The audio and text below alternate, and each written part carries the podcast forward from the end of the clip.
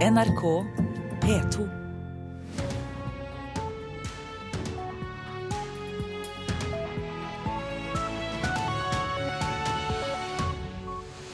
Øystein Heggen ønsker deg velkommen til Nyhetsmorgen. Vi fortsetter med mer informasjon om de voldsomme svingningene på børsen i USA og nedgangen i Asia i dag. Tilhengerdrag sjekkes ikke for materialtretthet på EU-kontrollene. Det kan ha vært et ødelagt tilhengerdrag som førte til eksplosjonen i en vestlandstunnel i sommer. Rettssaken om Il Tempo Gigante går mot slutten. Samtidig brygger det opp til mer strid om Flåklypa-universet. Og kampen mellom to norske trenere blir avgjort i kveld, når svenske Malmö møter skotske Celtic. Da New York-børsen stengte i går kveld, var fasiten en nedgang på i underkant av 4 Gårsdagen var preget av voldsomme svingninger, og aksjene til teknologigiganten Apple var blant dem som svingte mest.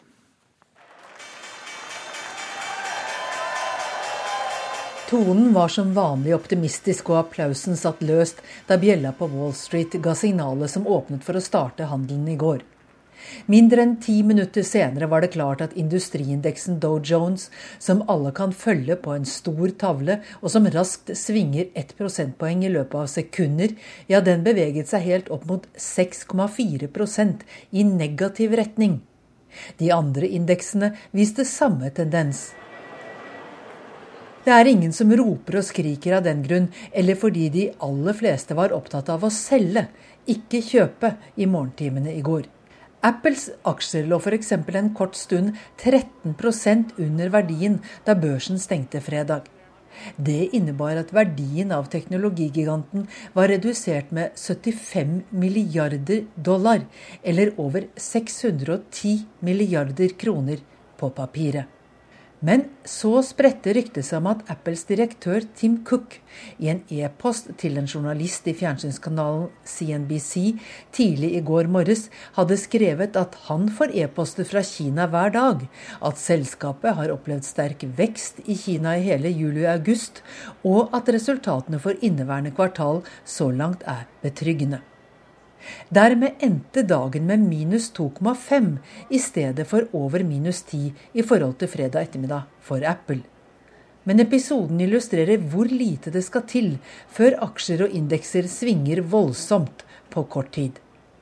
Klokka ett New York-tid kunne NRK rapportere om at nå var Dow Jones nesten tilbake til fredagens verdi, men ved stengetid tre timer seinere endte den med en nedgang på 3,6% Flere er enige med Ben Willis, aksjemegler på Wall Street fra Princeton Securities, om at det som skjer er en nødvendig global korrigering av aksjer som har vært priset for høyt. Svingningene og nedgangen til tross, det er så langt ingen panikk på New York-børsen. Men det er ikke bare Apple som ser mot Kina. Hvor mye langsommere vil lokomotivet i global vekst bevege seg i månedene framover, spør alle. Ingen tror at Kina vil stoppe å vokse, men farten berører mange. Også de som ikke er opptatt av børsspillet på Wall Street. Groholm, New York. Vi skal også se mot eh, Kina. Korrespondent Peter Svaar i Beijing, du er med oss. Jeg har hørt at ledelsen i Apple skrøt av veksten i Kina for å snakke opp aksjen på New York-børsen. Men eh, hvordan gjør Apple og de andre aksjene det på de asiatiske børsene nå? Det åpnet eh, stygt her i Kina for noen timer siden. Børsene i både Shanghai og Shenzhen åpnet ned nesten 7 eh, da de åpnet i morges. Nå har de tatt seg litt inn. Shanghai-børsen ned med litt over 4 nå rundt lunsjtid eh, her i Kina, mens Shenzhen er ned nesten 6% På andre asiatiske børser er bildet litt mer blandet. Børsene både i Japan, Hongkong og Singapore er opp med rundt 1 prosentpoeng nå. Ligger det an til at kinesiske myndigheter vil gjøre mer for å stabilisere markedene? Ja, og spenningen nå er egentlig knyttet til hvor langt de er villige til å gå. Senest i morges kunngjorde Kinas sentralbank at de vil sprøyte inn 150 milliarder yuan. Eh, det er eh, litt i underkant av 200 milliarder norske kroner i likviditet i markedet gjennom kortsiktige lån. I går kom også en ganske stor nyhet, egentlig, nemlig at Kinas statlige pensjonsfond nå kan eh, inkludere kinesiske innenlandske aksjer i sin portefølje. og Det kommer til å gjøre mye med etterspørselssiden i markedet her når et så stort fond får beskjed om å gå ut og handle. Men det stanset altså ikke kursfallet verken i går eller til nå i dag. Enkelte lyttere husker kanskje tilbake til Asiakrisen som vi så i 1998. Kan det som skjer nå bli så omfattende? Spørsmålet er i hvilken grad det vi nå ser er starten på en systemkrise. Hongkongs eh, regjeringssjef CY Liang sa i morges at eh, det ikke ville skje. Han, mente, han mener at asiatiske økonomier står mye sterkere nå enn de gjorde på 90-tallet. Og han mener at eh, markedene også er bedre regulert enn det de var den gang. Men det er jo en del likhetstrekk med finanskrisen som startet i Thailand i 1997. Flere asiatiske land måtte devaluere valutaen sin den gang. Dette spredte kjempet seg gjennom stupende råvarepriser, synkende valutaer og mange land som hadde mye gjeld. Så noen likhetstrekk til i dag ser vi. Mange takk for den oppdateringen, vår korrespondent i Beijing, Peter Svår. Nå vender vi hjemover og til granskningen av ulykken i Skatestraumtunnelen i Bremanger i Sogn og Fjordane i juli. Det var en tilhenger som løsnet fra en tankbil og 16 500 liter bensin eksploderte. Det var ikke blitt utført testing av materialtretthet i tilhengerdraget som røk. Det ble EU-godkjent i april i år, men styrken i metallet ble altså ikke målt. Og det er ikke vanlig praksis å gjøre det, sier Trond Ersvik, seniorinspektør i Statens vegvesen. Nei, vi har ikke noe kontroll utover den visuelle kontrollen. Det var den 15. juli i år at ei tankvogn med 16 500 liter bensin havna i fjellveggen i den undersjøiske Skatestremtunnelen på fv. 616 i Bremanger. Draget mellom trekkvogna og tankvogna hadde losna, og det ble en voldsom eksplosjon. 15 personer ble berga ut av tunnelen, flere av dem i siste liten. Leder i Trygg Trafikk i Sogn og Fjordane, Audun Heggestad, sier det er avgjørende viktig at draget mellom trekkvogn og henger er sterkt nok. Det er bare å kontrollere for mye eller for lite. Så hvis det blir innført eh, flere metallurgiske kontroller og gjennomlysing, så ønsker du det velkommen? Ja, selvfølgelig. Det draget der det er eh, uhyre viktig. Ersvik forteller at kontrollen av tilhengerdragene foregår på denne måten. Kontrollen av sånne drag er jo da basert på en visuell kontroll, eh, hvor vi sjekker skader, leter etter, kikker etter skader, slitasje, og at uh, sikkerhetsfunksjoner eller sikkerhetsutstyr da, som er knytta til draget, også er til stede. da. Hengeren der draget røk var på EU-kontroll i april i år. Hva kommentar har du til det?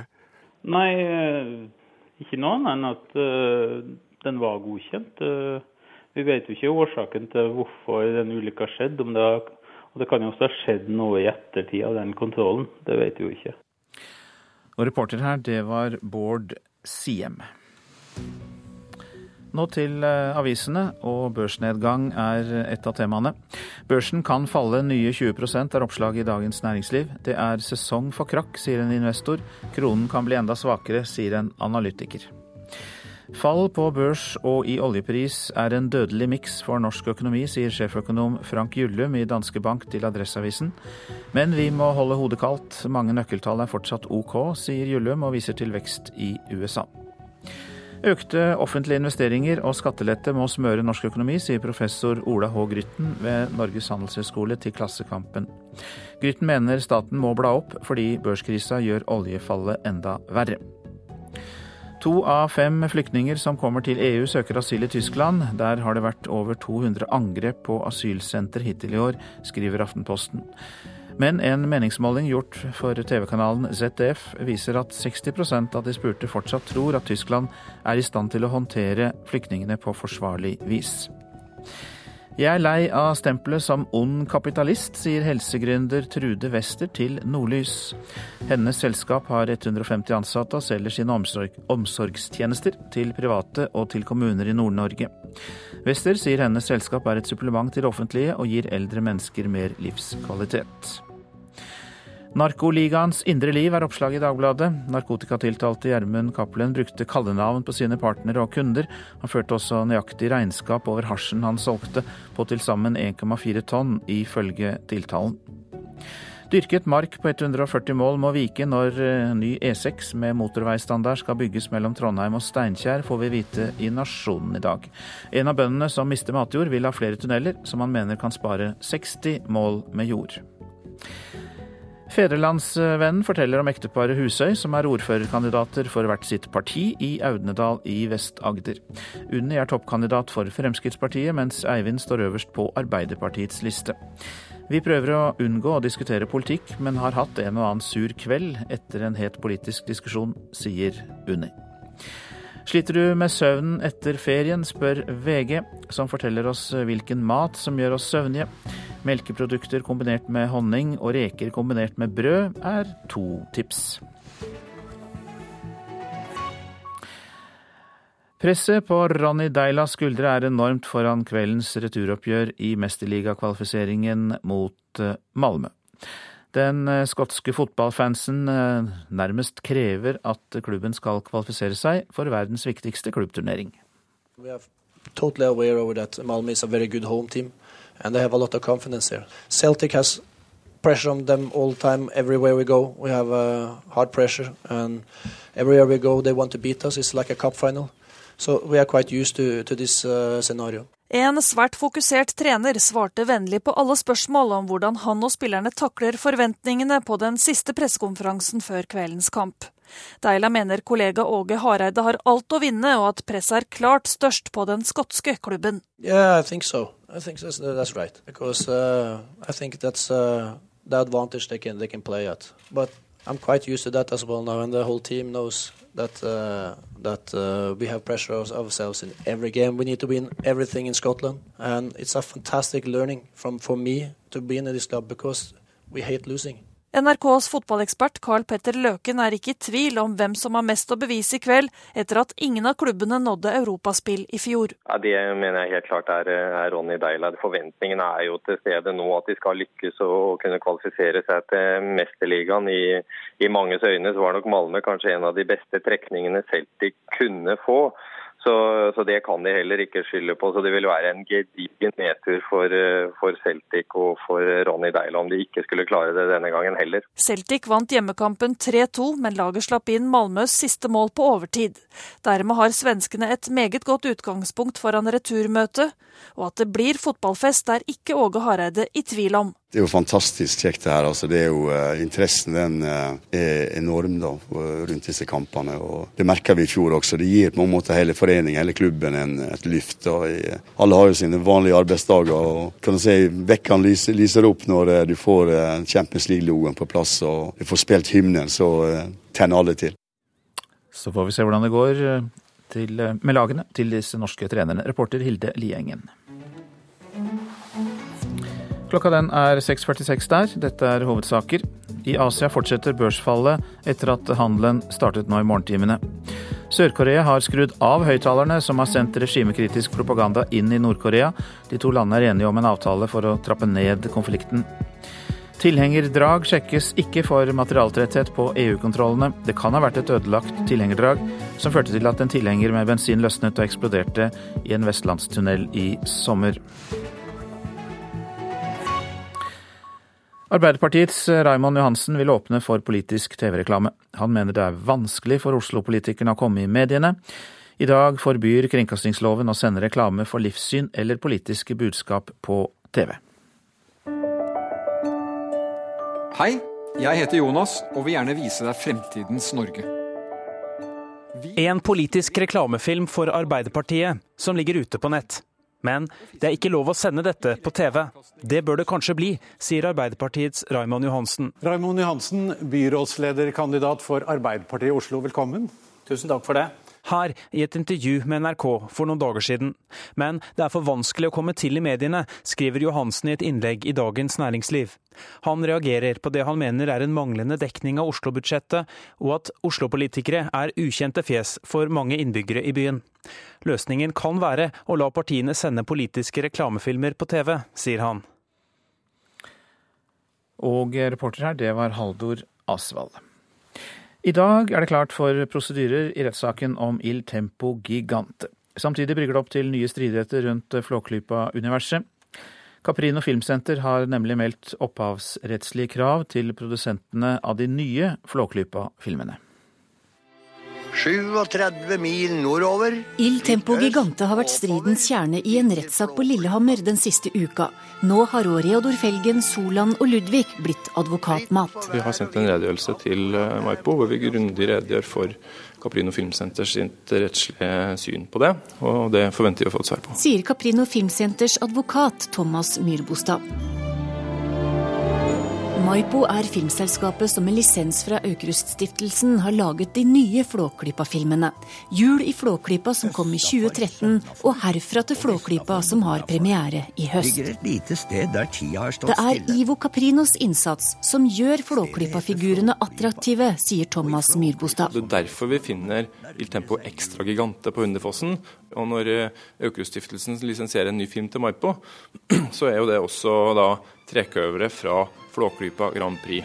Det store, allstyrende Synnøve Hørsdal i Maipo bekrefter at de nylig fikk et brev fra Caprinos advokater. Men hun vil ikke si noe om innholdet, utover at det handler om Caprinos rettigheter i Flåklypa-universet. I natt skal du ligge innerst. Akkurat som i striden om Il Tempo Gigante har Maipo også understreket at de baserer sine dokker på Kjell Aukrusts tegninger, og ikke Ivo Caprinos filmdokker. Ivo Caprino gjorde aldri noe forsøk på å ta kontroll over Aukrust-universet.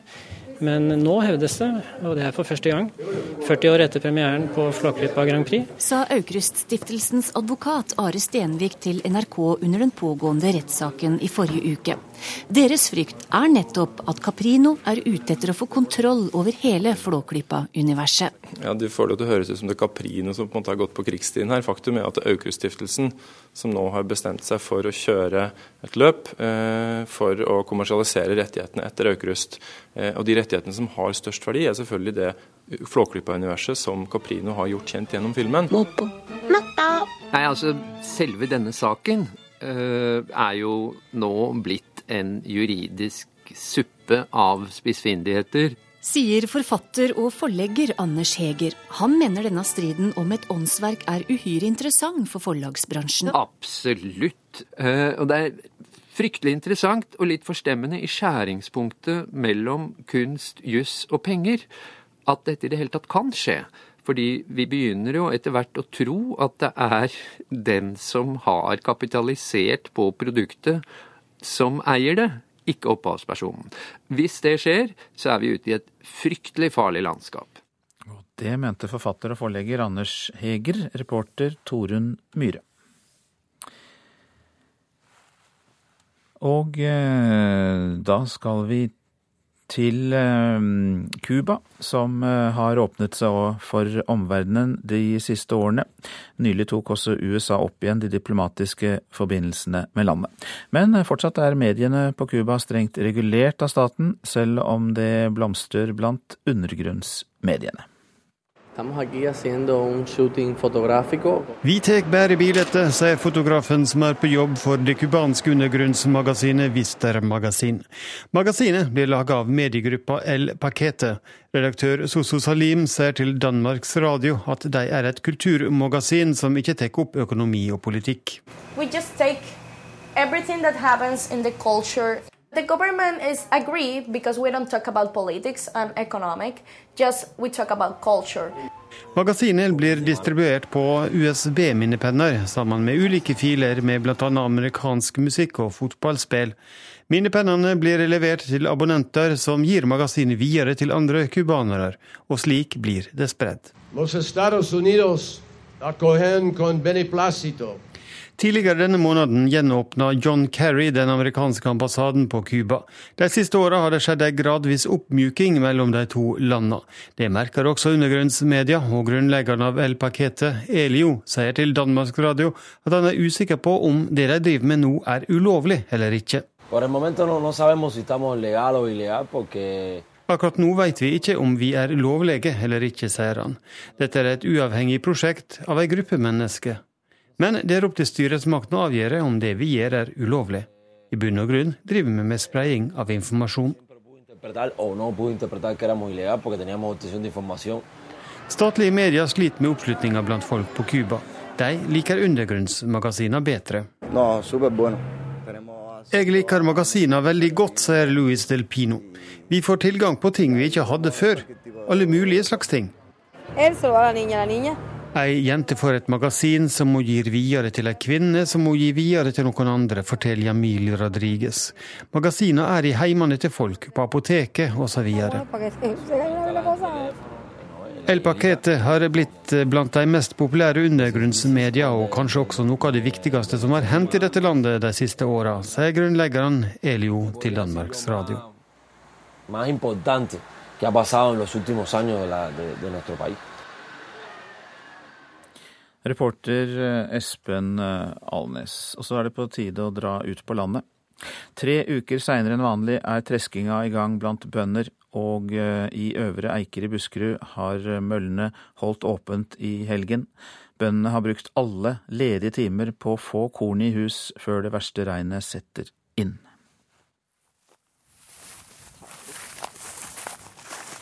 Kornbonde og leder i Buskerud Bondelag, Egil Hoen, inspiserer en stor, gul åker med høsthvete som er i ferd med å få et gråbrunt skjær. Det ser veldig fint ut. Veldig bra avlinger eh, stort sett jevnt over, og hos meg sjøl òg. Så er vi litt mer spent på kvaliteten. Så tar jeg handa og så gnir jeg litt på aksa. Og når jeg, når jeg gnir i aksa som dette, så kommer det ut korn. Så her ligger korna og agner og bøss og sånn, og så tar jeg noen korn i munnen og tygger på dem. Ja. Og da skal den være harde. Det var vel et som var hardt, og et som var litt jeg. Ja, Hva gjør du da? Nei, vi kjører.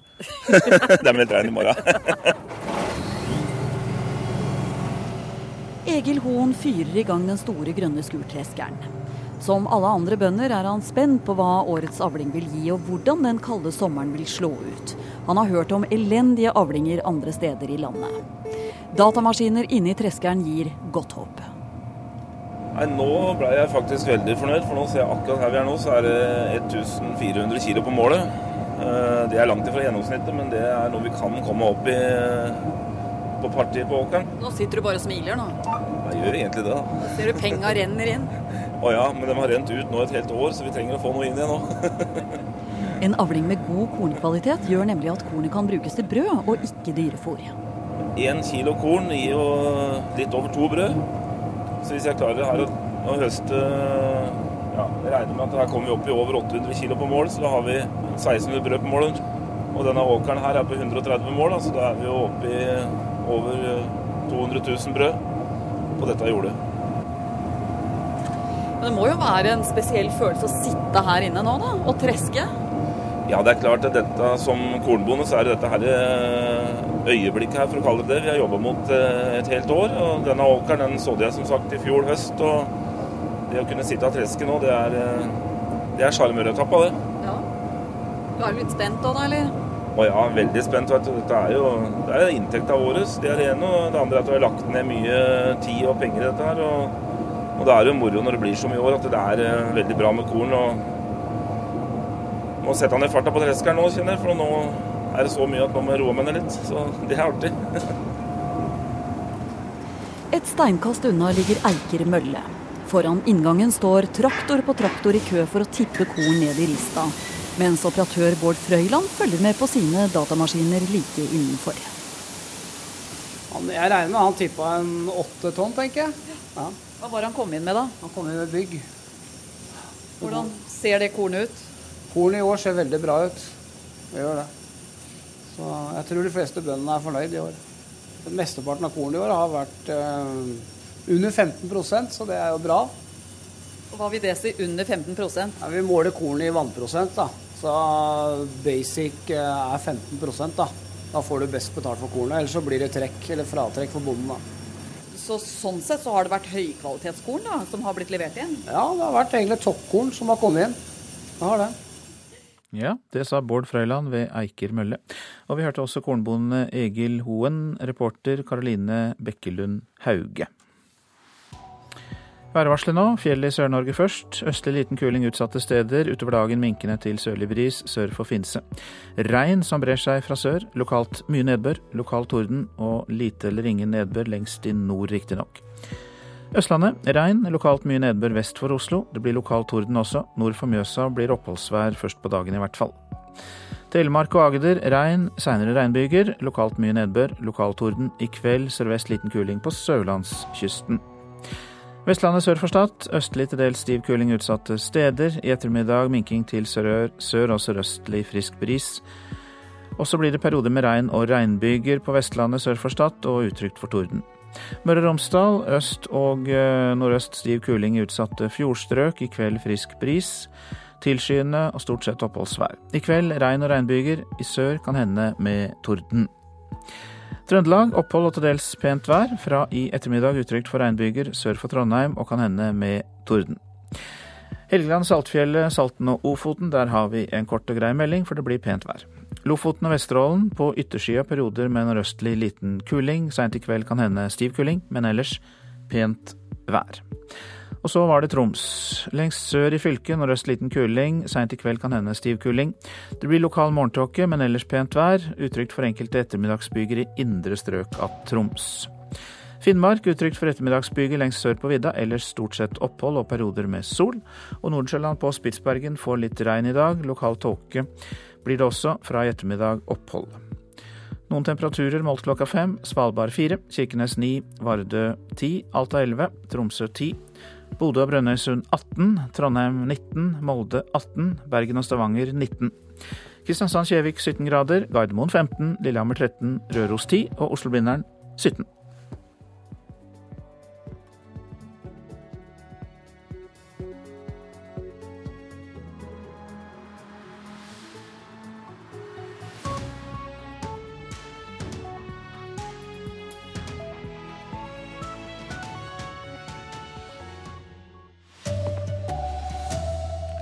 Politiet i Oslo anklages for grusom behandling av romfolk og afrikanere. Og i Asia fortsetter børsfallene i dag. Her er NRK Dagsnytt klokka sju. Oslo-politiet opptrer diskriminerende og grusomt overfor romfolk og afrikanere som sover ute. Det er konklusjonen i en rapport fra Nasjonal institusjon for menneskerettigheter, som er et rådgivende organ under Stortinget. Ifølge forskerne som har laget rapporten, blir romer og afrikanere ofte sparket av politifolk, de blir utsatt for rasistiske tilrop, og politiet tar papirene deres. Hjemløse romfolk og afrikanere har dobbelt så stor risiko for å bli bortvist fra steder som folk med europeisk utseende utseende. Det sier fungerende direktør Kristin Høgdal. Overraskende, egentlig. Politiatferd med relativt mange rapporterte tilfeller av både rasistiske, rasistiske kommentarer og til dels overdreven bruk av makt. Det er jo manglende etterlevelse av Norges menneskerettighetsforpliktelser. Og det er, eh, bør være veldig alvorlig. Oslo-politiet vil ikke svare på kritikken før de har lest rapporten, men sier på generelt grunnlag at slik behandling er uakseptabel. I Asia fortsetter børsfallet etter at handelen startet i dag. I går falt Shanghai-børsen med 8% Det er det største fallet siden 2007. Og det gikk ikke bedre ved åpning i dag, sier vår korrespondent i Asia, Peter Svare. Det åpnet eh, stygt her i Kina for noen timer siden. Børsene i både Shanghai og Shenzhen åpnet ned nesten 7 eh, da de åpnet i morges. Nå har de tatt seg litt inn. Shanghai-børsen ned med litt over 4% nå rundt lunsjtid eh, her i Kina, mens Shenzhen er ned nesten 6% På andre asiatiske børser er bildet litt mer blandet. Børsene både i Japan, Hongkong og Singapore er opp med rundt 1 prosentpoeng nå. Det sa Peter Svar i Beijing. Ikke på 24 år har nordmenn hatt så liten tro på landets økonomi som nå. Et stort flertall frykter en negativ utvikling i norsk økonomi det neste året. Det viser Finans Norges forventningsbarometer som blir presentert i dag. To av tre listetopper i Fremskrittspartiet mener kommunen deres må ta imot færre syriske flyktninger enn i fjor. Det viser Dagens Næringslivs valgundersøkelse. Flere av Frp-toppene svarer også at de ikke ønsker å ta imot noen flyktninger fra Syria. Sør-Korea har skrudd av høyttalerne ved grensen mot Nord-Korea. De kraftige høyttalerne har kringkastet regimekritisk propaganda inn i Nord-Korea. De to landene har nå blitt enige om en avtale for å trappe ned konflikten. Det sier sørkoreanske myndigheter ifølge nyhetsbyrået Ap. NRK Dagsnytt var ved Tone Nordahl. Og her fortsetter Nyhetsmorgen. En tidligere politimester kommenterer påstandene om diskriminering og rasisme fra politiet mot bostedsløse. Stadig flere ber om hjelp til å takle spiseforstyrrelser. Professor ved Norges idrettshøgskole Jorunn Sundgodt Borgen skal hjelpe oss med å forstå hvorfor. Vår reporter i Makedonia rapporterer om de mange tusener av flyktninger som er på vei gjennom Balkan på vei mot Vest-Europa. Ja, Vi hørte det i eh, Dagsnytt. Oslo-politiet opptrer ofte diskriminerende og med rasistiske tilrop overfor romfolk og afrikanere som sover ute. Det er noen av funnene som kom fram i en ny rapport fra Nasjonal institusjon for menneskerettigheter. Utenfor Bymisjonens akutte sovetilbud i Oslo er køen lang for å komme seg unna politiet. Det koster 15 kroner å få sove trygt i Bymisjonens kirke i Oslo. Men ikke alle får plass forteller nattevakt Raimond Olufsen. Da eh, tar vi en opptelling av eh, hvor mange ledige senger vi har, eh, og hvor mange mennesker som er på yttersiden. Og så arrangerer vi et lotteri. Og da er det et sjansespill hvorvidt du kommer inn. En ny rapport forteller hvordan politiet i Oslo behandler hjemløse.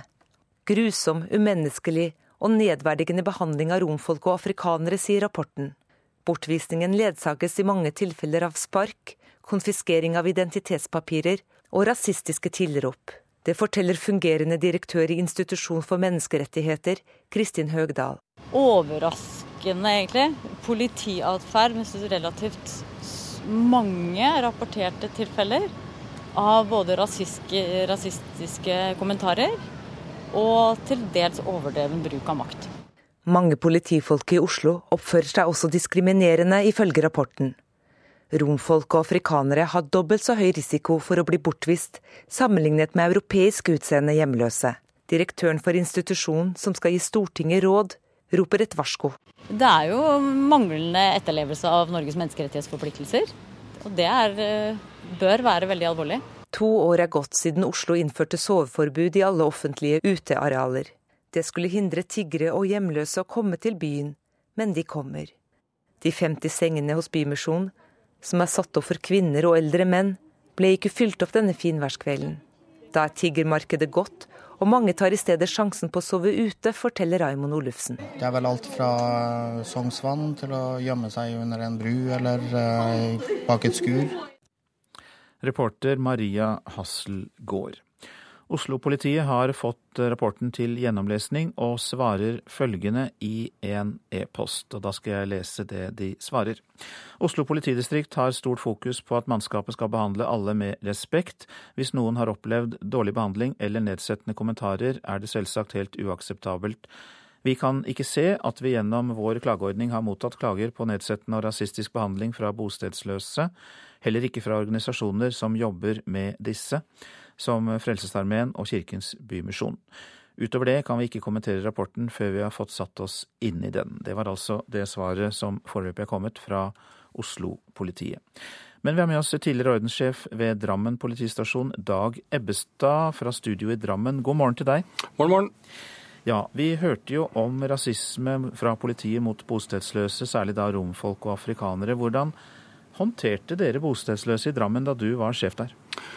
Først uh, må jeg bare si at jeg skal på ingen måte stille meg til doms over mine tidligere kolleger i hovedstaden. Uh, uh, så jeg må nesten bare uttale meg ut ifra det jeg kjenner til fra tidligere, og ut ifra et generelt samfunnsengasjert ståsted.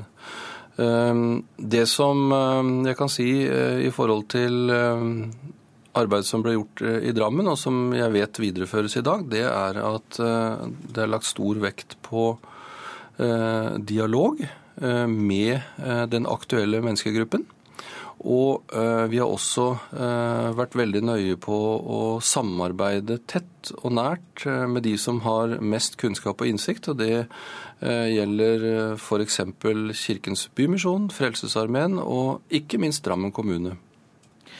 Oslo kommune har jo innført soveforbud, som vi hørte. Hva syns du om denne loven om soveforbud?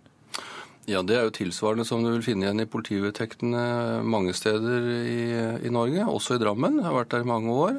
Og Det som er krevende og utfordrende, det er jo måten et, reglement som dette skal håndheves.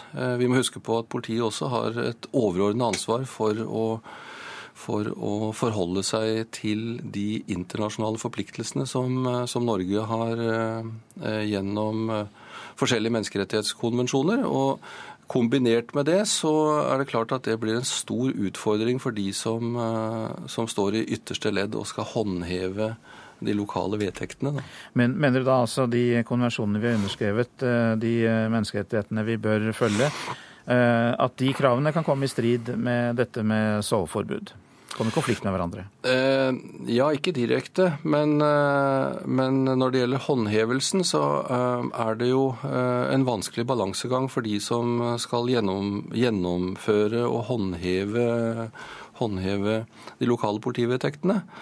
Eh, så er det også sånn at eh, det er et spørsmål om det er tilstrekkelig kunnskap om menneskerettigheter blant politiledere. Jeg mener jo at dette handler i stor grad om ledelse og holdninger og de eh, føringene som eh, politiledelsen gir til sine ansatte om hvordan de skal utøve jobben sin. Det er vel åpenbart, kan det se ut til, ifølge den rapporten, at det er politifolk som opptrer rasistisk. Nå er du da ikke lenger ordenssjef ved Drammen politistasjon, men hvilke råd konkret vil du da gi til politifolk, dine tidligere kolleger? Det viktigste er nok å, å, eh, se på eh, dette arbeidet som en del av en større helhet. Og vi skal vokte oss vel for å uh, forfølge utsatte menneskegrupper. Um, så er det viktig å jobbe i tett samarbeid med andre som har god kunnskap og innsikt. Og så må man uh, opprettholde menneskeverdet og synet på andre mennesker når man utøver makt. Hvilke tiltak bør settes inn eh, for eh, å forhindre at dette skjer? Eh, kan det være grunn til å gå politifolk etter i sømmene, ta noen ut av tjeneste hvis slike ting blir oppdaget? Nei, Det har jeg overhodet ingen uh, mulighet til å kunne mene noe om. Det har jeg ikke bakgrunn for. Eh, det som jeg tenker eh, i stort, det er jo at når man identifiserer et problem, så må man se hvordan det kan løses. Og i utgangspunktet snakker vi her om at bostedsløse migranter har eh, utfordringer i forhold til å finne et sted å være. Og det de sjøl sier, det er jo at de ønsker et sted å være hvor de kan være i fred, og ikke til sjenanse for noen. Så da får man kanskje heller se litt nærmere på muligheten til å skaffe det. Da, for fattige EØS-borgere vil bevege seg eh, uansett hva slags vedtekter vi innfører. Takk skal du ha, Dag Ebbestad, med oss eh, fra Drammen, der han var eh, ordenssjef i politiet tidligere. Stadig flere ber om hjelp til å takle sine spiseforstyrrelser. Rådgivningskontoret ROS har opplevd en økning på 70% i løpet av fem år. For eh, Ingvild Aas Føynum ble spiseforstyrrelsene vanskelige å takle. Lå hjemme i senga, gråt og prøvde kanskje å hindre meg sjøl i, i, å spise. Da, og da lå jeg heller og sov og stengte meg inne. Og på mange måter så, så satte jeg liksom hele livet mitt på vent. da. Føynum vegret seg lenge for å oppsøke hjelp, men gjorde det til slutt. Og det gjør stadig flere. Ja, det er fullt. Hver, eh, hver eneste uke stort sett er det fullt. På Rådgivning om spiseforstyrrelser sitt senter i Bergen tar Irene Kingswick og kollegaene hennes imot stadig flere som sliter med et problematisk forhold til mat og kropp. I fjor hjalp de over 2700 personer på landsbasis. Det er 70% flere enn i 2010. Kingswick liker ikke tendensen hun ser i samfunnet. Med sosiale medier, der eh, vi sitter med hver våre duppeditter og, og, er for oss sjøl. Det skaper også ensomhet, og det skaper press. Og dette her presset blir bare for stort for veldig mange. Og da er mat en måte å kompensere på, eventuelt overtrening, oppkast. Eh, ja. Professor ved Universitetet i Tromsø, Jan Rosenvinge, er ekspert på spiseforstyrrelser. Han sier han ser en økning i tallet på de med lettere spiseproblemer. Når det gjelder uh, de mer si, uspesifikke spiseforstyrrelsene, og, og, og, der hvor det ikke er noen diagnose, men likevel problemer, så, så kan vi si at det har vært en økning, ja. Den store pågangen hos rådgivning om spiseforstyrrelser er urovekkende, sier han. Når det er en, en eh, total økning i antall henvendelser om, om dette, så er det klart det vekker bekymring. Det gjør det. Føynum husker godt hvordan det var å oppsøke hjelp første gangen ved å besøke et åpent gruppemøte. Det lå i tredje etasje eller noe sånt, og den trappa var helt forferdelig. Og jeg holdt på å snu flere ganger. Så da begynte jeg å gå ned trappa igjen. Men så var det noe i meg som sa nå har du gått hit, nå tar du for pokker og gjør det. Så da gikk jeg tilbake og så sa jeg jeg, tror, jeg tror jeg har et problem. Og så begynte jeg bare å gråte. og da var det liksom stykket hull på ei skikkelig boble. Føynum startet nylig et enkeltmannsforetak som tar sikte på å veilede personer som sliter med nettopp spiseforstyrrelser. Og det er på en måte mitt bidrag. Jeg vil absolutt hjelpe andre, og jeg tror jeg, tror jeg kan det fordi jeg, jeg har ja, både litt fagkunnskapelig og fordi at jeg har vært, vært gjennom det sjøl, da. Ingvild Aas Føynum der, og reportere var Marte Njåstad og Vegard Valestrand. Og så har vi med oss professor ved Norges idrettshøgskole, Jorunn Sundgodt Borgen. Riktig god morgen. God morgen. Mat og kropp, hvorfor er det så tøft og vanskelig å takle? Jeg tror En av grunnene til at eh, det er så mange som har problemer nå, det er at det er så viktig å fremstå som perfekt. Og I det å være perfekt så ligger også det å kunne synliggjøre en perfekt kropp. Og i det igjen så ligger det å spise på en helt spesiell måte, og for de aller fleste også trene på en spesiell måte. Og Det er jo flott at de unge er opptatt av å ta vare på kroppen sin og være i aktivitet, men det har altså tatt helt av. Og jeg tror Noe av årsaken til det er at det florerer av såkalte selvutnevnte eksperter. Det er helt mangel på kritisk journalistikk. Slik at det er fritt frem for de som ønsker det, å legge ut råd. Og mange av disse rådene som kommer fra blogger og andre sosiale medier, er jo direkte helseskadelige. Og når det nå er så viktig å være perfekt, så er det så mange dessverre som følger disse rådene når det ligger bilder av en såkalt perfekt kropp, og vedkommende forteller at 'jeg har bare spist slik og sånn og trent slik og sånn', og da får du en sånn kropp. Og det er jo uvirkelige kropper som ofte ligger på disse bildene, for de er jo manipulert. Så de søker noe som er egentlig ja, umenneskelig å oppnå disse unge jentene og guttene. Jeg tror altså, Vi har ikke vært forberedt på denne boomen som skulle komme av unge mennesker med et så ekstremt ekstremt kroppsfokus. Og hvis vi skal klare å snu dette her nå, så er vi nødt for å, å få det inn i skolen. Altså drive forebyggende arbeid i skolesettingen. Og så må helsevesenet, eh, profesjonelle helsearbeidere, eh, faktisk lære seg til å se symptomene og ta symptomene på alvor. For de fleste går altfor lenge før de mm. å søke hjelp. Du vil at vi skal uh, forebygge, uh, og at uh, skolen bl.a. må inn for å bidra. Har du eksempler på råd som du sier florerer overalt, som er direkte skadelige? Ja, det er sånn at Jeg nesten ikke har lyst til å si det høyt, men disse unge sitter jo og leser og ser det hver eneste dag. og Det går på hvor lite de har spist, eller hva slags type proteinpulver de har brukt for å få den og den muskelmassen Eh, hvor ekstreme treningsmengder, hvor tungt de har løftet osv. Så, så det er hele tiden et konkurransejag om å gjøre det som skal lede fram til den perfekte kroppen. Og rådet er slapp av.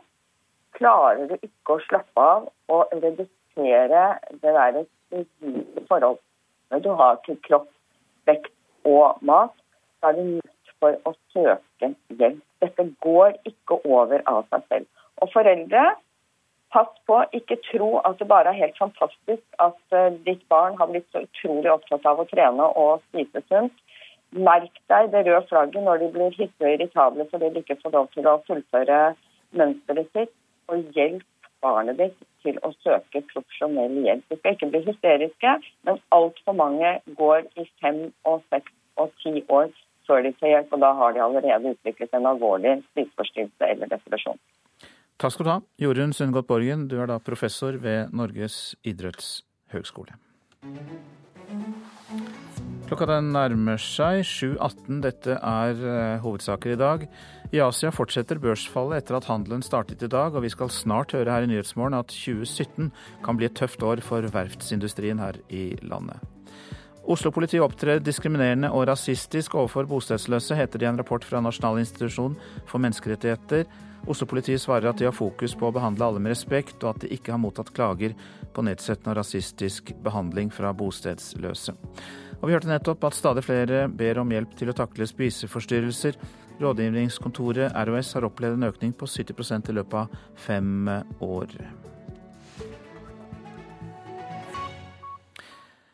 EU må gå sammen om å løse den verste flyktningkrisen siden andre verdenskrig. Det var budskapet fra Tysklands statsminister Angela Merkel og Frankrikes president Francois Hollande da de møttes i går. Hollande sa at han vil ha et felles EU-system for å gi rett til asyl. Et stort antall migranter og flyktninger fra borgerkrigen i Syria er på vei gjennom Makedonia og Serbia til Vest-Europa. Vår reporter Jan Espen Kruse, du er med oss fra Makedonias hovedstad Skopje. Og eh, hva skjer med disse tusenvis av flyktningene som går inn i eh, Serbia etter at de da ble stanset i Makedonia i eh, tre dager?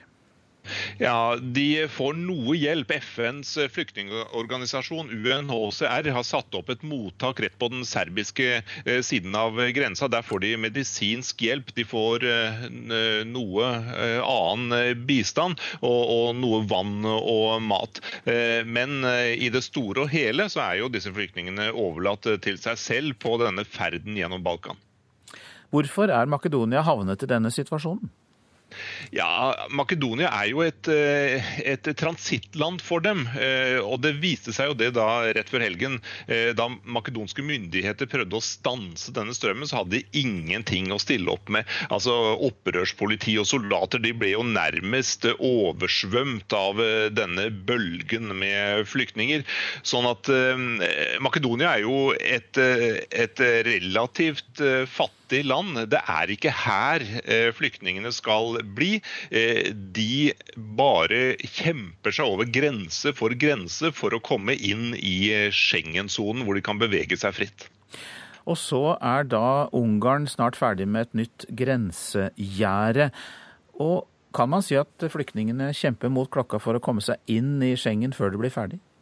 Ja, i høyeste grad. Eh, altså de eh, tusener, eh, det var nærmere 10 000 som ble oppholdt i tre dager her i Makedonia, de strømmer nå i, i, går da inn i eh, Serbia, og eh, de gjør alt de kan. For eh, det, det, skal bare være snakk om dager før dette grensegjerdet i Ungarn står klart. Og da vil det kunne bli en ny oppsamling av flyktninger eh, foran dette grensegjerdet. Eh, og det vil naturligvis bare føre, altså forskyve problemet et hakk eh, nærmere og lenger inn i EU, dette her. Som vi var innom innledningsvis, møttes jo Merkel og Hollande eh, i går kveld og drøftet denne krisen. Eh, fikk, eh, kan dette toppmøtet få noen betydning konkret for flyktningene på bakken?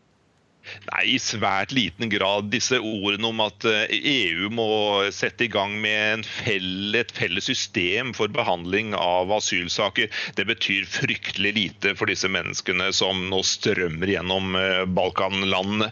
Eh, det er ikke det de er opptatt av. De skal til Tyskland, de skal til Storbritannia, de skal til Sverige og enkelte andre vesteuropeiske land.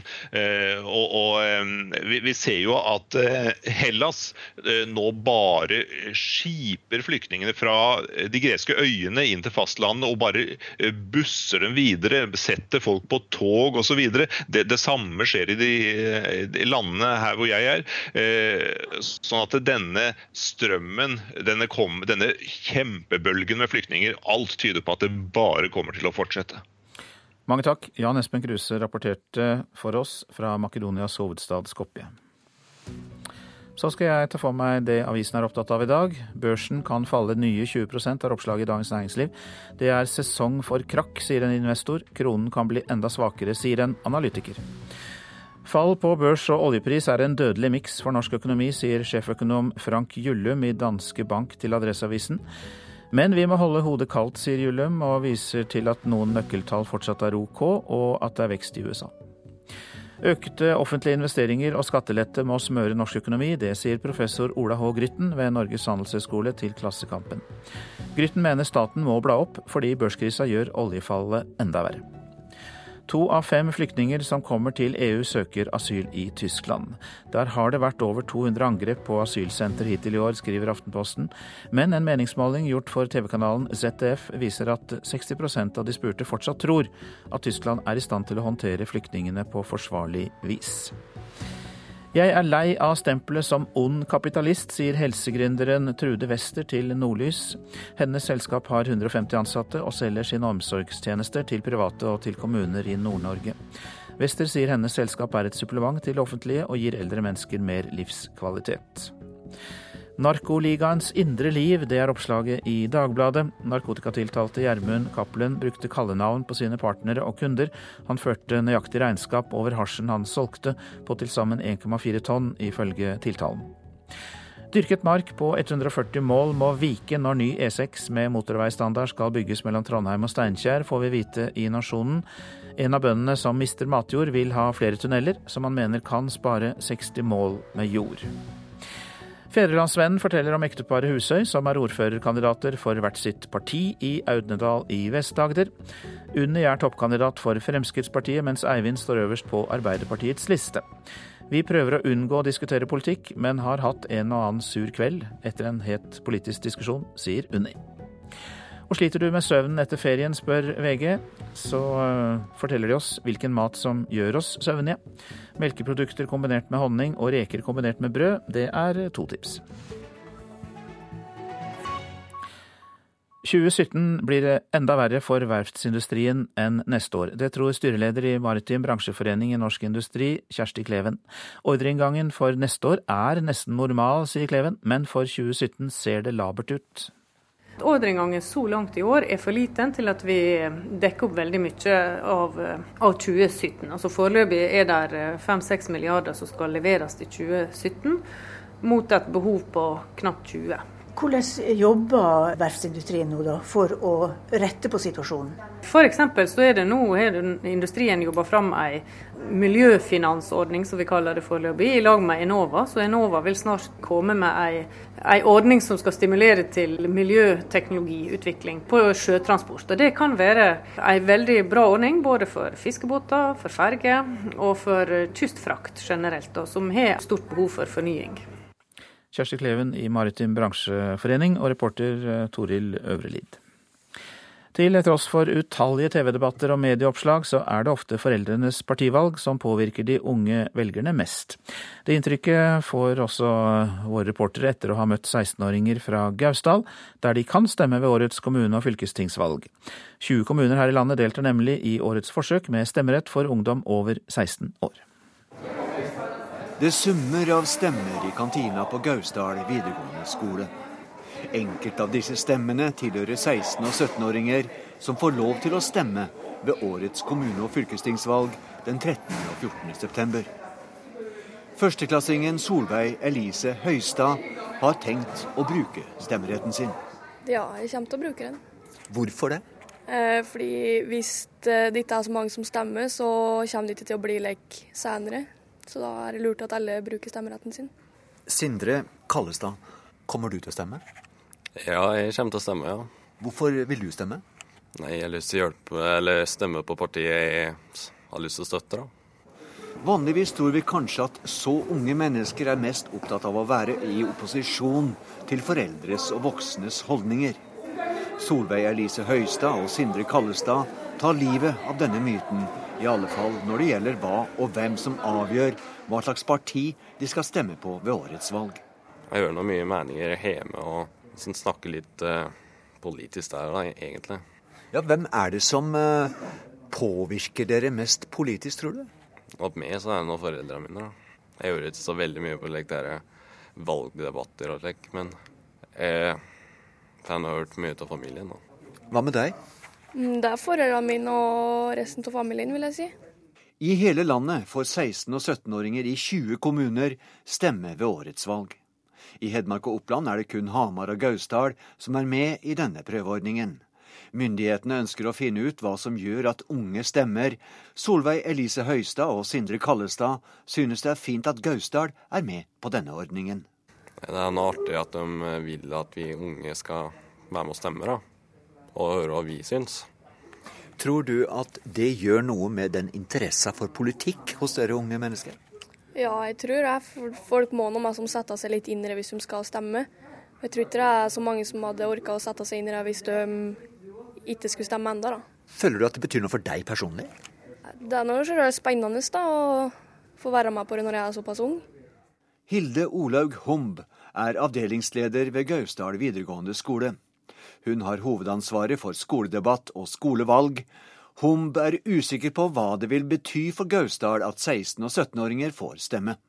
Nei, Det er jeg litt spent på, rett og slett. Jeg tror nok at det vekker en slags motivasjon at de er med i et forsøk. Altså Alt som er nytt og kanskje litt spesielt vekker jo interesse. Så det blir spennende å se hvordan det slår ut med valgdeltakelse og ikke minst resultater. da. Hva slags politiske saker er det så som er viktige for de aller yngste velgerne? Svaret er kanskje egnet til å overraske. Nei, Jeg har ikke sett på så mange av dem, men eldrepolitikken har jeg sett mange om. Og det er, jeg har nå besteforeldre som snart skal dit, så så da er det vikt, litt viktig for meg. Da. Litt rart at en eh, førstegangsvelger på 16 år tenker eldrepolitikk? Ja. Hva med deg, eh, Solveig Elise? Hva er det slags saker som opptar deg? Mm, det er eldrepolitikken, det òg. Og ja, åssen vi får rundt oss. da, At det ja, blir bra med oss òg. Vår reporter i Gausdal var Ole Martin Sponberg. Produsent for Nyhetsmorgen, Kari Bekken Larsen. Her i studio, Øystein Heggen. I Politisk valgkvarter skal justisminister Anders Anundsen kommentere sin skrytevideo, som har vekket oppsikt og blitt sammenlignet med propaganda fra Nord-Korea.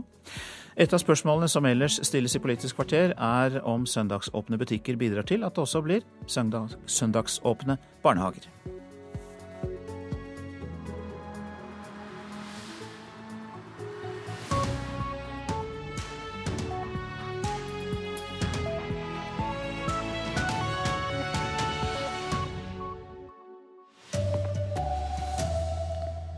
Oslo-politiet anklages for grusom behandling av romfolk og afrikanere.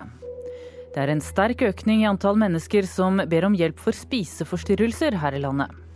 Og justisministeren får kraftig kritikk for sin nye skrytevideo.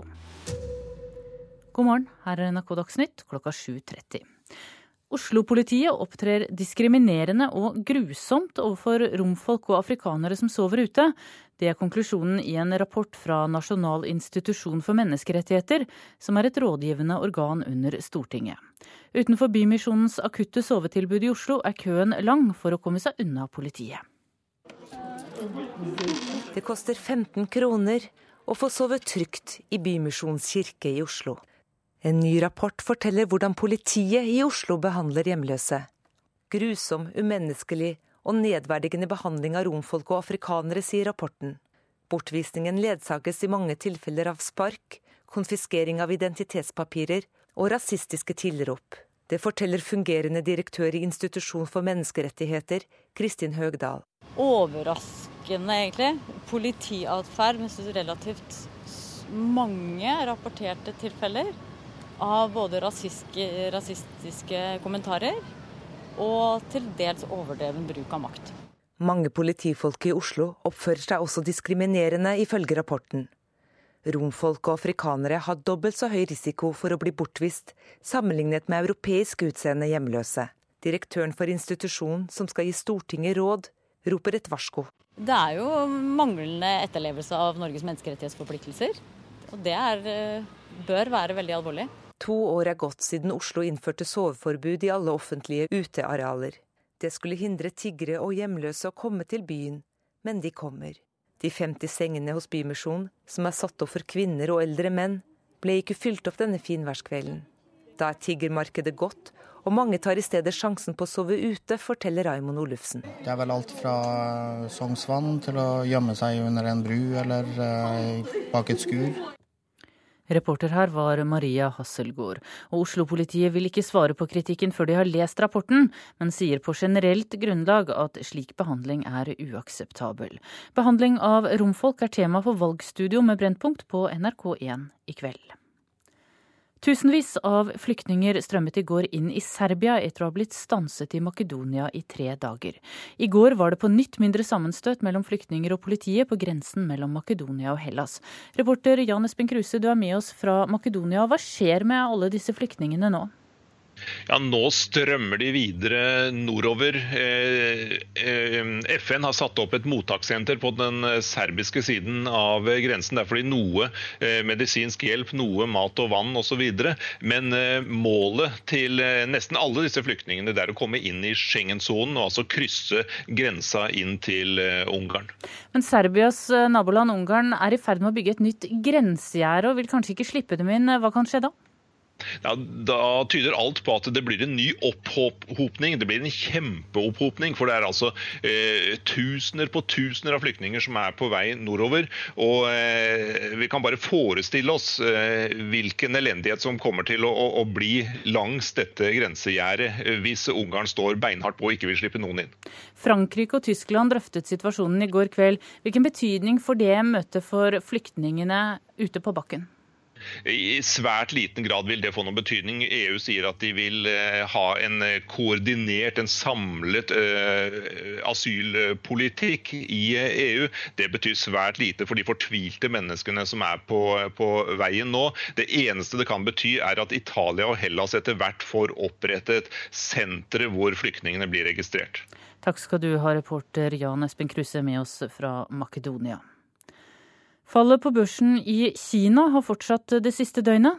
Psykologien spiller en viktig rolle, det sier administrerende direktør i BN Bank, Gunnar Hovland. Børsene styres både av fundamentale forhold og av veldig mye psykologi. Og I Kina nå så er vel psykologien overtatt fullstendig for de fundamentale forholdene. sånn at eh, Det er en nedgang i Kina på ca. 4,5% på morgenkvisten. Men det som er viktig å ha med seg i bildet, er at eh, nedgangen i Kina den når vi går inn i fundamentale forholdet igjen, så viser det seg at både på forbruk og på produksjon f.eks., så er det ikke så galt kanskje som psykologien tilsier akkurat nå. Shanghai-indeksen falt med over 8% mandag. Det sendte negative bølger til børsen verden over. Oslo Børs fikk en nedgang på over 5 Selv om nedgangen fortsetter i Kina i dag, er det positive tall i resten av Asia. Eh, når du ser på de andre børsene, ja, så ser du at både Hongkong har gått opp på morgenkvisten her, og du ser at eh, Taiwan eksempel, har gått opp 3 så bildet er jo ikke blodrødt over hele Asia, men Kina er fortsatt nede, som sagt. Hovland tror markedet har tatt seg inn igjen etter gårsdagens blodrøde tall. Det ser iallfall ut som alle børser som har åpna i Østen i dag, har korrigert seg oppover. Så både Japan, Taiwan, Singapore, Australia, alle sammen positive tall på morgenkvisten. Med Australia f.eks. på 2,19% opp på morgenkvisten. Så det virker som at de på en måte har tatt litt inn over seg at eh, det var ikke så godt som kanskje psykologien i går skulle tilsi. Reporter i dette innslaget var Erlend Kjernli. Sør-Korea har skrudd av høyttalerne ved grensen mot Nord-Korea. Det sier sørkoreanske myndigheter ifølge nyhetsbyrået Ap. De kraftige høyttalerne har kringkastet regimekritisk propaganda inn i Nord-Korea. De to landene har nå blitt enige om en avtale for å trappe ned konflikten. Sør-Korea skrudde på høyttalerne etter at to sørkoreanske soldater ble alvorlig skadd av det som kan ha vært en nordkoreansk landmine. Stadig flere ber om hjelp til å takle spiseforstyrrelser. Rådgivningskontoret ROS har opplevd en økning på 70% i løpet av fem år. For Ingvild Aas Føynum ble spiseforstyrrelsene vanskelige å takle. Lå hjemme i senga, gråt og prøvde kanskje å hindre meg sjøl i, i, å spise. Da, og da lå jeg heller og sov og stengte meg inne. Og på mange måter så, så satte jeg liksom hele livet mitt på vent. da. Føynum vegret seg lenge for å oppsøke hjelp, men gjorde det til slutt. Og det gjør stadig flere. Ja, det er fullt. Hver, eh, hver eneste uke stort sett er det fullt. På Rådgivning om spiseforstyrrelser sitt senter i Bergen tar Irene Kingswick og kollegaene hennes imot stadig flere som sliter med et problematisk forhold til mat og kropp. I fjor hjalp de over 2700 personer på landsbasis. Det er 70% flere enn i 2010. Kingswick liker ikke tendensen hun ser i samfunnet. Med sosiale medier der eh, vi sitter med hver våre duppeditter og, er for oss sjøl. Det skaper også ensomhet, og det skaper press. Og dette her presset blir bare for stort for veldig mange. Og da er mat en måte å kompensere på, eventuelt overtrening, oppkast. Eh, ja. Føynum husker godt hvordan det var å oppsøke hjelp første gangen ved å besøke et åpent gruppemøte. Det lå i tredje etasje eller noe sånt, og den trappa var helt forferdelig. Og jeg holdt på å snu flere ganger, så da begynte jeg å gå ned trappa igjen. Men så var det noe i meg som sa nå har du gått hit, nå tar du for pokker og gjør det. Så da gikk jeg tilbake og så sa jeg jeg, jeg, tror, jeg tror jeg har et problem. Og så begynte jeg bare å gråte. og da var det liksom stykket hull på ei skikkelig boble. Ja, det sa Ingvild Aas Føynum. Reportere var Martin Jåstad og Vegard Valestrand. Justisministeren får kraftig kritikk for filmen 'Trygghet i hverdagen', som ble lagt ut på regjeringens hjemmesider i går. I skrytevideoen opererer Anders Anundsen som journalist, og kritiserer mediene. En av de tingene som er mest frustrerende som politiker, er at eh, media veldig ofte er opptatt av å finne de negative vinklingene på sakene. Derfor har vi laga en egen film. Filmen kommer midt i valgkampen og er blitt dagens store snakkis. Vi skal snakke om politi, vi skal snakke om eh, domstoler, vi skal snakke om påtalemyndighet, vi skal snakke om kriminalomsorg og vi skal snakke om asyl- og innvandringspolitikk. Men er dette propaganda, eller er det innovativt, spør VG. Anundsen intervjuer bl.a. politiet. Ja, for det er en ganske kraftig satsing eh, på beredskapstroppen nå. Ja, Bladet Politiforum er kritisk. Valgforsker Frank Aarebrot reagerer på at embetsverket, som skal være nøytrale, stiller opp. Anundsen selv sier til Dagbladet at dette ikke er journalistikk, men et faktabidrag. Og Vi skal snakke om det på vår måte, ikke med de vinklingene som NRK, Aftenposten, VG, Dagbladet ønsker å kjøre. Norsk Presseforbund mener dette klart er politisk reklame, skriver Aftenposten. Redaktørforeningens generalsekretær Arne Jensen er heller ikke nådig. Det er ganske dårlig. Nesten ufrivillig komisk. Er, den har litt sånn preg av at det er justisministeren reiser rundt eh, og intervjuer de han er sjef for. Og, og Da får man vel stort sett de svarene man vil. Og det er litt sånn eh, Kim Jong-un uh, i, i Nord-Korea som reiser rundt og ser på ting, og alt det fine som uh, man har. Reporter var Elise Heisel Asbjørnsen, og Anundsen svarer på kritikken i Politisk kvarter. Ansvarlig for Dagsnytt i dag, Anders Borgen Werring. Hanne Lunås. I studio, Tone Nordahl.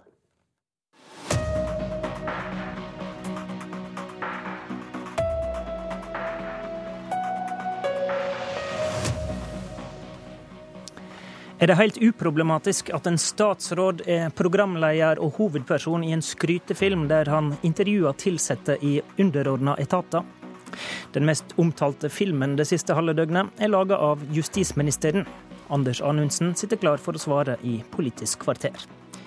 Og vi skal finne ut om det kommer til å bli søndagsåpne barnehager av søndagsåpne butikker, og hvem som er mest populistisk av KrF og Frp. Politikk, populisme og propaganda. Der har du Politisk valgkvarter i dag. Aller først skal vi snakke om det aller siste på filmfronten. I går publiserte Justisdepartementet denne filmen med Anders Anundsen i hovedrolla. En av de tingene som er mest frustrerende som politiker, er at media veldig ofte er opptatt av å finne de negative vinklingene på sakene. Derfor har vi laga en egen film som skal fokusere på hva regjeringen mener er viktig for å sikre din trygghet. Nå har regjeringen eh, endret eh, muligheten for å bruke de militære helikoptrene, slik at eh, klartiden er nå nede på én time. Hvor viktig er det for dere? Her på Oslo fengsel fant vi en fritidsavdeling som kunne gjøres om til 20 nye lukka plasser. Det skjedde veldig fort. Velkommen hit, Anders Anundsen, justisminister. Takk for det. Hvorfor gjør du dette? Det gjør jeg fordi det er viktig for regjeringen å få frem hva vi har gjennomført på de snaue to åra som vi har sittet i regjering. Og det er viktig at vi gir den informasjonen på vår måte, på en måten vi mener er riktig. Og så bruker vi litt andre virkemidler enn det en normalt bruker, rett og slett for at uh, dette skal være informasjon som er interessant også for flere enn de som er opptatt av politikk, kanskje. Forvalter vi i media vårt ansvar så dårlig at du må korrigere oss? Nei, det er nok ikke det som er utgangspunktet, men jeg tror det er viktig Det høres jo slik ut i introduksjonen der. jo, men Det er først og fremst for å understreke at dette ikke er et journalistisk arbeid. Dette er en informasjonsvideo, det er ikke gravende journalistikk. Jeg elsker den gravende, kritiske journalistikken, men uh, dette er ikke det. Dette er en ren informasjonsvideo fra Justis- og beredskapsdepartementet om det som er gjennomført i departementet. Og det har vært viktig for oss, faktisk. Ikke minst etter den runden som var i vår, hvor det ble sådd tvil om hvorvidt det var gjort noe på samfunnssikkerhets- og beredskapsområdet. Det var jo en tvil som ble ryddet av veien i kontrollhøringen utfordringen. Men eh, det som er utfordringen noen ganger med media, er jo at den får store oppslag om negative ting, men når det viser seg at det egentlig ikke var så gærent likevel, så får du ikke den samme oppmerksomheten rundt det. Så det å kunne vise fram hva som er den faktiske situasjonen, f.eks. på samfunnssikkerhet og beredskapsområdet, er viktig. Det er sterke ord som blir brukt om denne filmen. Ordet propaganda går igjen i avisene, eh, mens generalsekretæren i Redaktørforeninga, som vi nettopp hørte i Dagsnytt her, eh, mener du framstår som en blanding av en førsteårs journaliststudent og Kim Jong-un? Hva er din eh, sjangermessige inspirasjon, da? ja, Det er først og fremst for å spre god informasjon.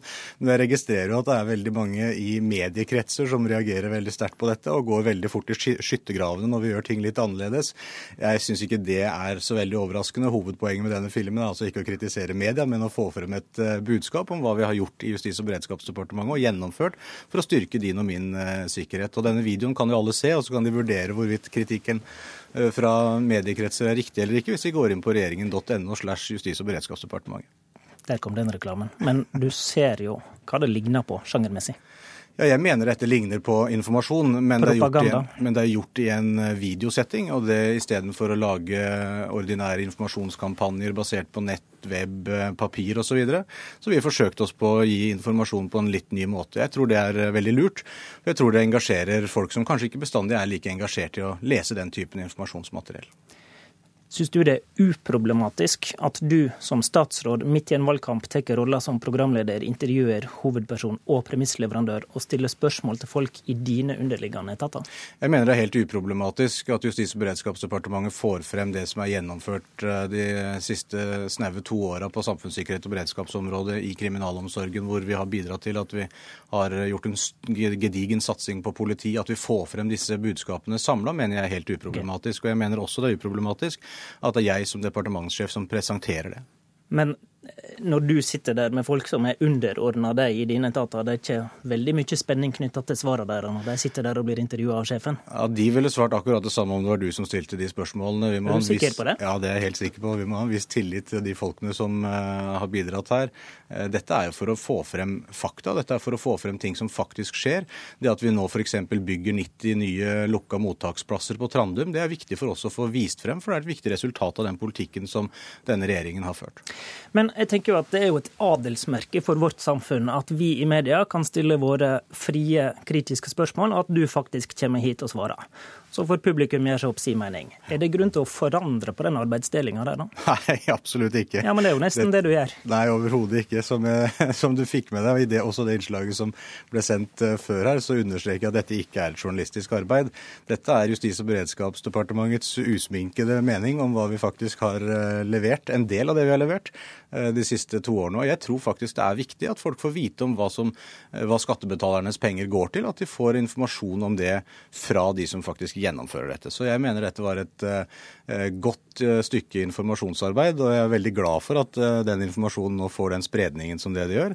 Det er jo også viktig for å vise at en kan tenke litt annerledes på informasjonsstrategi enn det en tradisjonelt har gjort. Lever du greit med å bli sammenligna med Kim Jong-un? Jeg tror det sier mer om de som bruker den typen sammenligninger enn det det gjør om meg. Takk for at du kom hit, Anders Anundsen.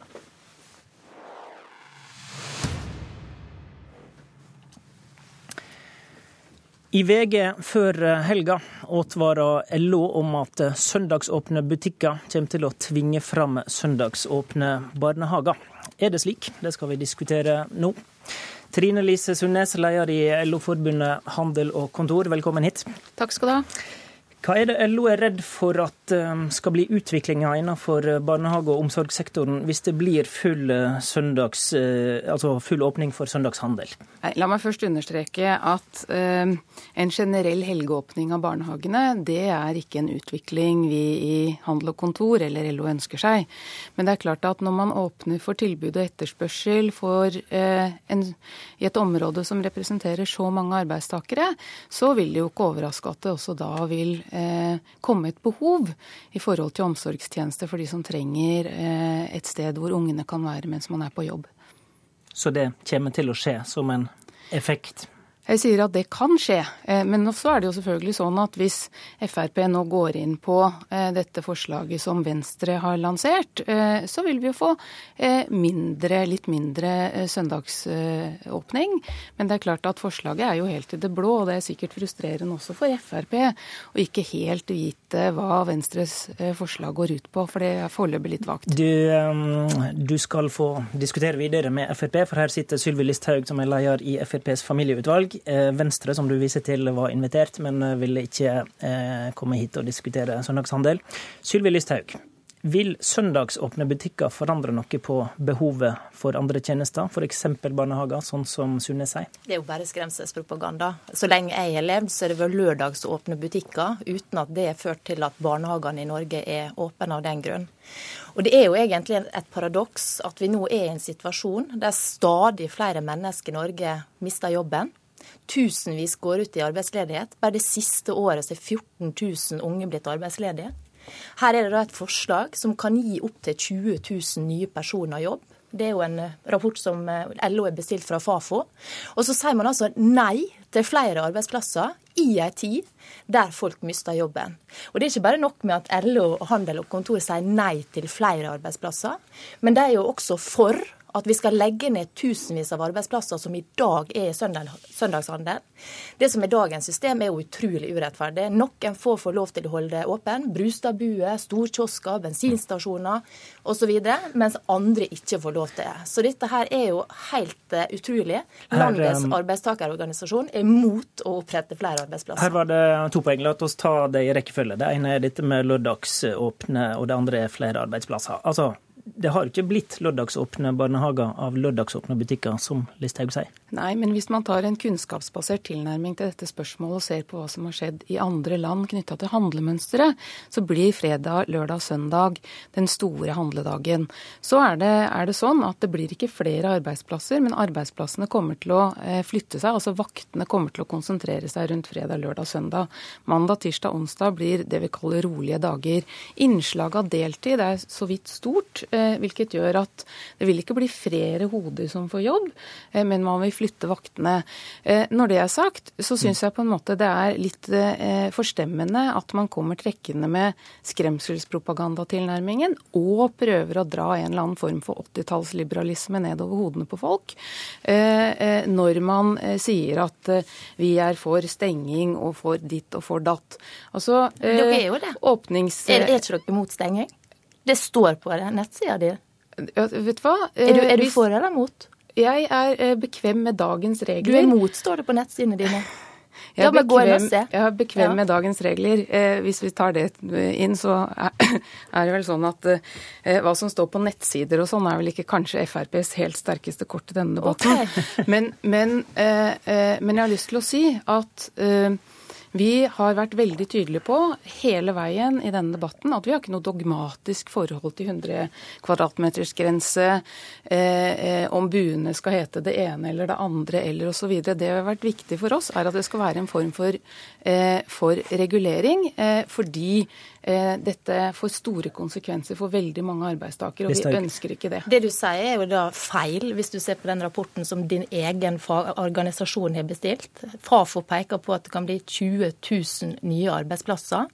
Og det er jo sånn at eh, Handlelysta blant nordmenn er jo forholdsvis stor også på søndager. Det er bare å ta seg en tur til Svinesund eller over grensa, så er det altså kø på kø på kø det, av nordmenn det, som er der. Og De som har vært inne på Brustadbu på en søndag, jeg var der sist søndag, og du mm. må omtrent slå deg fram for å komme fram til melkedisken og, og, og stå i milevis kø. Og Listhaug, det er jo nettopp et av Sunne sine poeng her. Hun sier at handlemønsteret vil endre seg, sånn at det blir eh, mer handling knytta til helga, og dermed et større arbeidskraftbehov.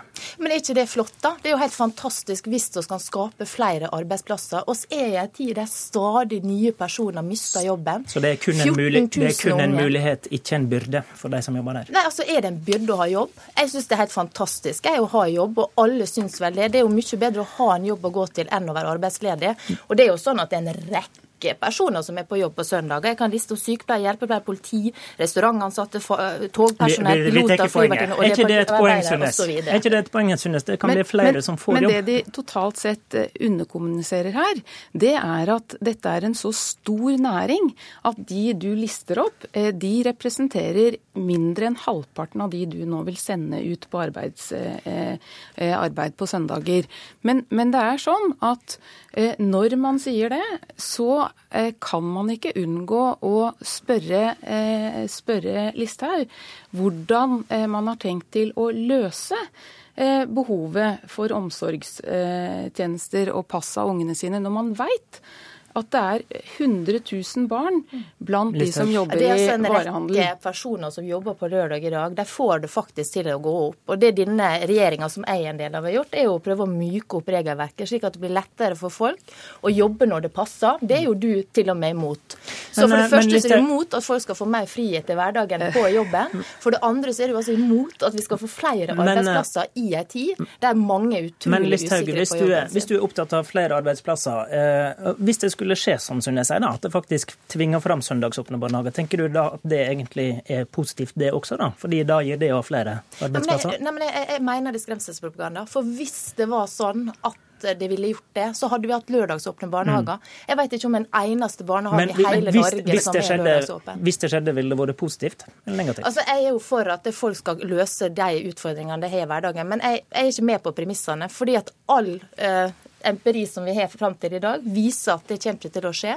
Lørdagene, Det finnes ikke én lørdagsåpen barnehage, så dette er bare skremselspropaganda fra ende til annen. Og et dårlig argument i denne debatten, der jeg syns det er helt fantastisk at fagbevegelsen, som skal være for arbeidstakere, er mot at flere i Norge skal få jobb. Det blir, altså sånn, dette, er, dette, er, bare, eh, for å si det sånn, med eh, respekt å melde, tullete. Men det er like tullete som det dere gjorde før valgkampen når dere kom i regjering, og advare med skremselspropaganda på stort sett det aller, aller meste. Ja, Det var det dere som gjorde, så unnskyld meg. Det var mye om propaganda i Politisk kvarter i dag. Takk til Trine Lise Sundnes og Sylvi Listhaug.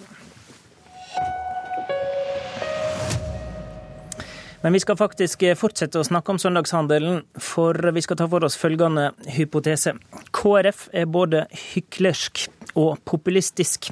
Denne kraftsalmen eh, kom fra lederen i FrPs ungdomsparti i Dagsavisen før helga.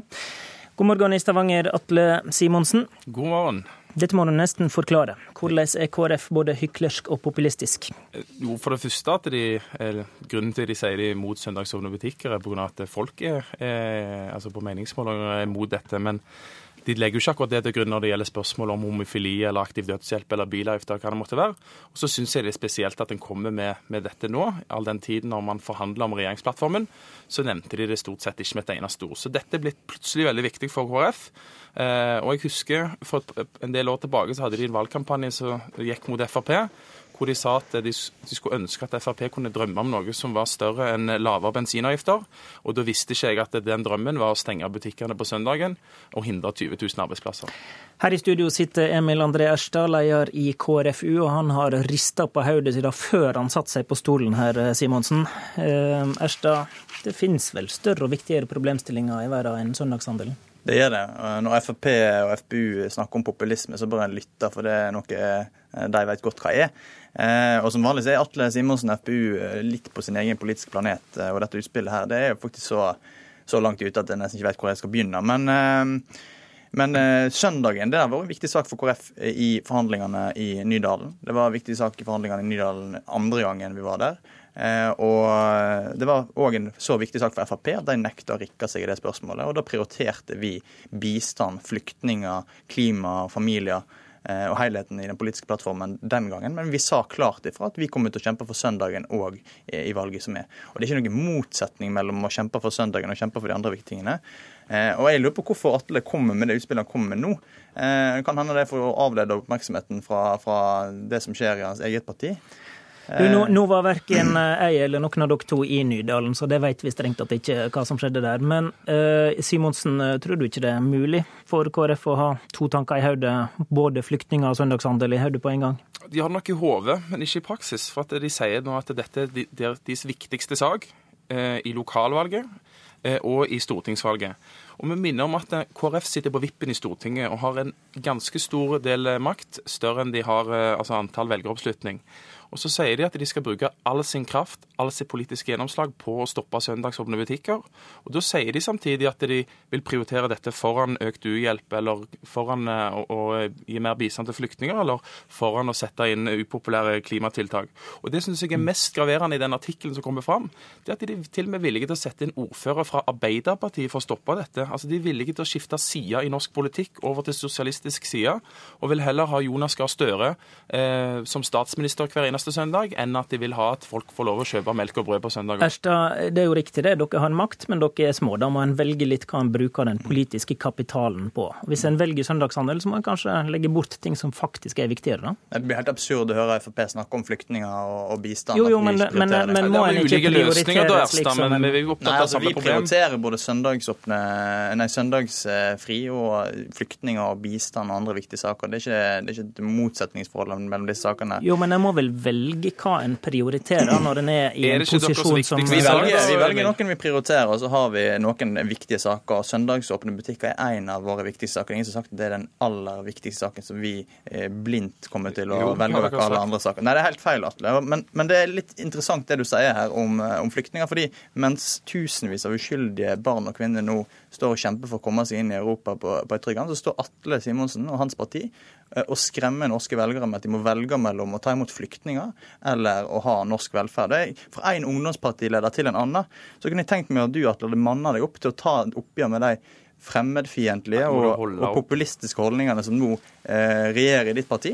Simonsen. Eh, og som Carl I. Hagen og Per Sandberg La Simonsen få svare på det. Jeg merker at eh, Erstad har lyst til å skifte tema. med mer ulike løsninger på det med Syria. Vi ønsker å hjelpe mange der nede. Dere ønsker å hjelpe noen få i Norge. Men over til det vi faktisk diskuterer. Jeg syns det er utrolig spesielt at dere sverger og ønsker å sette inn all deres politisk kraft på å beholde et system hvor du har lov å ha søndagsåpent i desember, du har lov å ha søndagsåpent i Gol og Engerdal. Men uh, Simonsen, tror du Men ikke i Oslo og Bergen. Det er helt forreisende. Tror du ikke at KrF ville inntatt dette standpunktet også dersom folkemeninga var en annen? Jo, det er akkurat det jeg eh, tror de ville gjort. Eh, og Derfor er det litt spesielt at det er de største argument er at dette er det noen meningsmålinger som viser at folk er, er ikke, imot. Det er ikke riktig, det er ikke vårt største argument. Det, det, er litt behagelig, Erstad, er ikke det å være på lag med folkeviljen i ei sak? Ja, det, er, det, er selvfølgelig behagelig, men vi har mange andre argument. Og det kan godt hende at søndagsåpne butikker ikke er den viktigste saken for Atle, at det er ikke så viktig for han. Men den saken er veldig viktig for de 200 000 menneskene som kanskje må gå opp på jobb om søndagen, og som da ikke får bruke tid med vennene sine, familiene sine eller barna sine. Fordi de til mister fritid. Og det er Hvordan skal du sikre at 20 000 ungdommer får jobb det når må, du skal si nei til dette tiltaket? Det må du svare på på fem sekunder. Nei, det, det, er mange andre tiltak enn søndagsåpne butikker som vil sikre det. Det kan vi ikke sikre gjennom søndagsåpne. På en måling hos TV 2 i går fikk KrF 3,9% Det er ikke særlig stor effekt av å være populist om dagen. I Politisk kvarter satt Håvard Grønli. Hør flere podkaster på nrk.no podkast.